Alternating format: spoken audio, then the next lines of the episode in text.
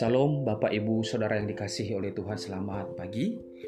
Berjumpa lagi di dalam renungan pagi yang setiap hari kita dengarkan Bapak Ibu dan pagi hari ini mari kita siapkan hati kita sebelum kita melakukan segala kegiatan kita, segala aktivitas kita. Mari kita memberikan waktu sejenak untuk mendengarkan dan uh, merenungkan firman Tuhan.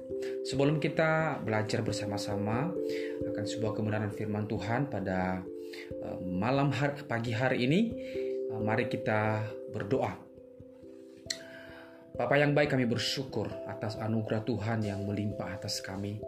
Kami bersyukur Tuhan buat berkat-berkat-Mu yang begitu luar biasa. Dan kami bersyukur sekali lagi Tuhan Engkau telah pelihara kami dari sepanjang malam hari sampai pagi ini Tuhan kami bisa bangun dengan tubuh yang sehat dengan kekuatan yang baru dari Tuhan. Kami bersyukur Tuhan tanpa ada sesuatu kekurangan apa pun Tuhan Tolong kami dengan luar biasa dan itu semua karena kemurahan dan kasih-Mu atas kami. Dan pagi ini Tuhan sebelum kami melakukan segala aktivitas kami, kami mau mendengarkan firman Tuhan, kami mau merenungkan firman Tuhan. Kiranya berkati setiap pendengaran kami Tuhan, sehingga kami boleh mengerti dan memahami firman Tuhan yang kami dengarkan pada pagi hari ini. Terima kasih Tuhan Yesus, terpujilah Engkau. Kami bersyukur dan siap untuk mendengarkan firman-Mu pagi hari ini di dalam nama Yesus. Kami berdoa, haleluya. Amin. Bapak Ibu Saudara yang dikasihi oleh Tuhan, pada pagi hari ini kita akan belajar bersama-sama dalam kebenaran firman Tuhan di dalam kitab Yehezekiel dan kita sudah tiba di dalam pasal yang ke-14. Kalau kita perhatikan di dalam pasal yang ke-14 ini Bapak Ibu Saudara yang dikasihi oleh Tuhan, kita bisa melihat di dalam perikop yang sudah ditetapkan oleh Lembaga Alkitab Indonesia. Di situ menuliskan judul perikop yaitu hukuman terhadap penyembah berhala. Nah, Bapak Ibu Saudara, kalau kita perhatikan bahwa Yehezekiel adalah seorang nabi yang dipakai oleh Tuhan untuk menyampaikan nubuatan-nubuatan kepada umatnya. Nah, Bapak Ibu Saudara, kalau kita perhatikan di dalam judul perikopnya saja bahwa di situ tertulis yaitu hukuman terhadap penyembahan atau penyembah berhala-berhala. Di sini kita bisa melihat bahwa berarti ada sesuatu penyelewengan atau sesuatu penyimpangan yang terjadi di antara bangsa Israel dan bukan hanya di antara bangsa Israel Bapak Ibu Saudara tetapi bahkan mungkin di antara di antara para pemimpin-pemimpin atau pemuka-pemuka agama atau bahkan di antara para nabi-nabi yang pada akhirnya tidak setia kepada Tuhan. Nah, berbicara mengenai kesetiaan Bapak Ibu Saudara. Nah, kesetiaan adalah adalah merupakan sebuah komitmen yang tidak berubah seharusnya. Nah, tetapi kita bisa melihat di sini bahwa jika ada hukuman, ya berarti ada ketidaksetiaan yang dilakukan oleh bangsa itu, sehingga pada akhirnya Allah menghukum mereka dan mendatangkan sebuah hukuman ke di atas mereka agar mereka bertobat Bapak Ibu Saudara. Nah, mengapa ketidaksetiaan ini sangat menyakiti hati Bapak Ibu Saudara? Ya, kalau kita membawa di dalam kehidupan kita saat ini Bapak Ibu Saudara ya, orang yang dalam hubungan cinta sangat mengharapkan atau mendapatkan cinta yang murni, yang tulus, dan kesetiaan ini adalah merupakan salah satu kunci penting yang harus dipegang oleh pasangan ya. Oleh orang yang sedang memiliki pasangan Bapak Ibu Saudara. Ya sakit hatinya tak kalah cinta dikhianati tentu itu yang akan terjadi ya. Saat mungkin pasangannya uh, berselingkuh atau tidak setia kepada pasangannya Bapak Ibu Saudara. Nah itu yang Tuhan alami dari Israel ya kekasih hatinya yang begitu Tuhan kasihi Bapak Ibu Saudara. Kalau kita perhatikan bahwa kasih Tuhan atau kasih Allah kepada bangsa ini Bapak Ibu Saudara itu bisa kita katakan bahwa tidak ada ujungnya ya tidak ada batasnya Bapak Ibu Saudara. Allah menebus mereka ya dari tanah Mesir. Mereka dibawa keluar dari perbudakan Bapak Ibu Saudara. Lalu mereka dituntun sepanjang perjalanan Bapak Ibu Saudara menuju ke tanah Kanaan itu bukan sesuatu hal yang mudah. Tetapi Tuhan sediakan segala sesuatu ya untuk bangsa itu. Karena begitu cintanya Allah kepada bangsa ini Bapak Ibu Saudara. Ya, Bapak Ibu Saudara, kalau kita perhatikan bahwa pada akhirnya Bapak Ibu ya, mereka uh, mengkhianati Bapak Ibu Saudara. Mereka tidak setia kepada Tuhan ya.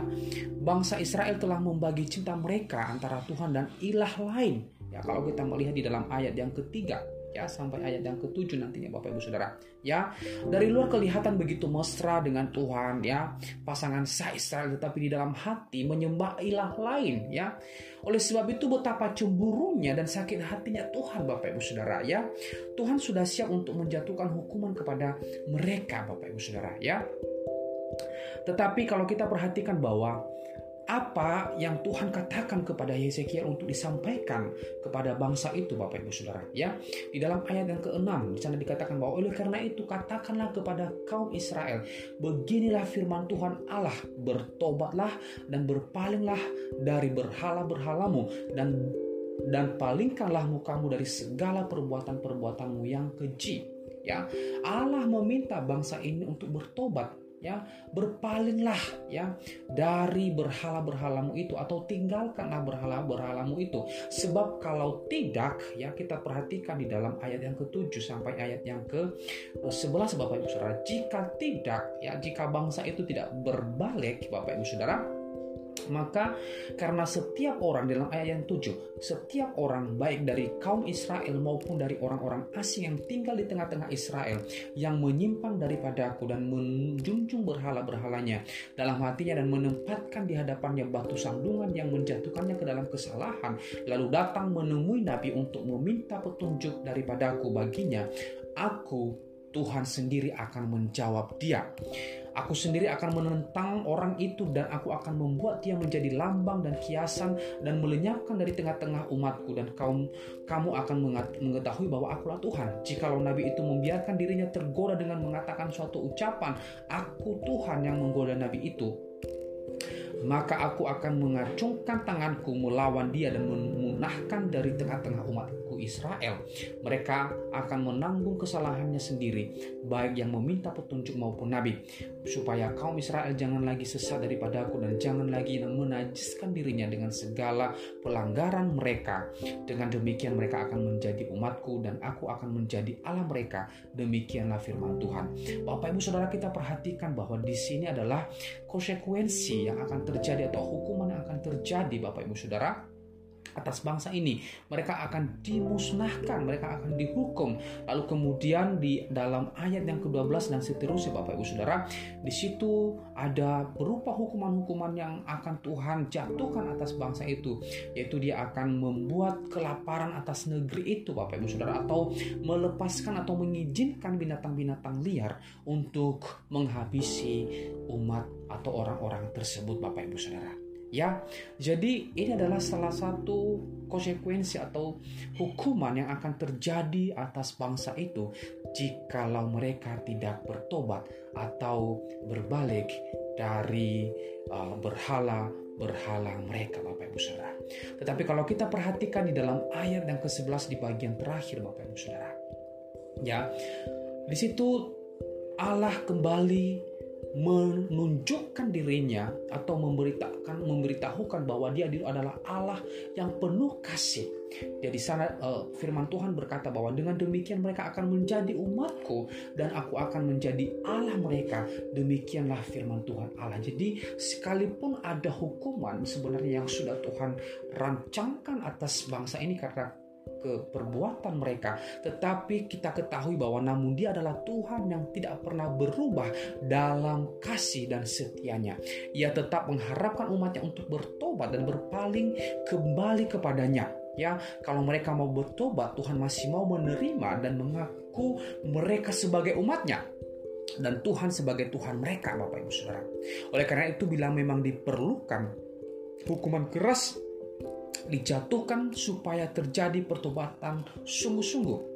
Penyesat yaitu nabi yang membawa Israel berubah setia akan dilenyapkan dari hadapan Tuhan agar tidak lagi memberi pengaruh negatif kepada umat tersebut. Jadi Bapak Ibu Saudara kita perhatikan di sini bahwa bukan dalam arti bahwa Allah begitu jahat, begitu mengerikan tidak Bapak Ibu Saudara. Tetapi itu adalah konsekuensi atas ketidaksetiaan bangsa itu ya yang menjadi pertanyaannya bagi kita semua adalah apakah kita mengasihi Tuhan dengan sepenuh hati? Atau mungkin saat sekarang ini atau saat ini kita diam-diam sedang menyembah ilah lain. Memang ilah-ilah masa sekarang tidak selalu berupa patung atau berhala atau jimat yang tidak selalu Bapak Ibu Saudara. Atau berbagai kepercayaan tahyul ya. Walaupun banyak orang yang masih mempercayai hal-hal tersebut Bapak Ibu Saudara. Tetapi ini kita perlu perhatikan bahwa teknologi modern ya faham materialisme dan hedonisme bisa menjadi salah satu dewa masa kini yang sedang bersaing dengan Allah mendapatkan penyembahan kita Bapak Ibu Saudara ya. Bapak Ibu Saudara Mari kita perhatikan apa kebiasaan-kebiasaan yang sedang kita lakukan saat ini Bapak Ibu Saudara. Mungkin kita katakan bahwa saya tidak menyembah patung, ya. Saya tidak menyimpan jimat-jimat, saya tidak menyembah kepada ilah-ilah lain. Tetapi Bapak Ibu Saudara, kadang-kadang tanpa kita sad tanpa kita tidak sadari Bapak Ibu Saudara, ya. Teknologi ya atau memprioritaskan sesuatu materialis ya di atas segalanya Bapak Ibu Saudara itu kita sedang menduakan Tuhan. Atau mungkin gadget kita, handphone kita lebih utama atau lebih penting dari merenungkan firman Tuhan, maka kita sedang menduakan Tuhan. Oleh sebab itu Bapak Ibu Saudara, Ya, jika kita sedang terjebak di dalam persinahan rohani ini, cepatlah kembali kepada Tuhan. Tinggalkan semua ilah palsu yang tidak dapat memberikan sejahtera sejati, namun sebaliknya membawa kita kepada jurang kehancuran dan kebinasaan. Bapak, Ibu, Saudara, tangan Tuhan selalu terbuka untuk kita. Kita jika kita merendahkan diri, ya, lalu kemudian bertobat kepadanya, Tuhan selalu menerima kita apa adanya. Oleh sebab itu Bapak Ibu Saudara, uh, apa pun yang sedang menarik kita jauh mundur Bapak Ibu Saudara dari Tuhan, mari kita kembali melihat kembali firman Tuhan pada pagi hari ini mengingatkan kita bahwa begitu begitu penting uh, kehidupan kita terus menerus berpaut kepada Allah. Amin Bapak Ibu Saudara. Kiranya firman Tuhan yang kita dengarkan pada pagi hari ini akan terus mendorong kita, menguatkan kita, dan memberikan kita motivasi-motivasi yang baik agar kita tetap senantiasa hidup di dalam kebenaran-kebenaran firman Tuhan. Demikian firman Tuhan yang bisa saya sampaikan. Kiranya Tuhan menolong kita. Tuhan Yesus memberkati. Salam.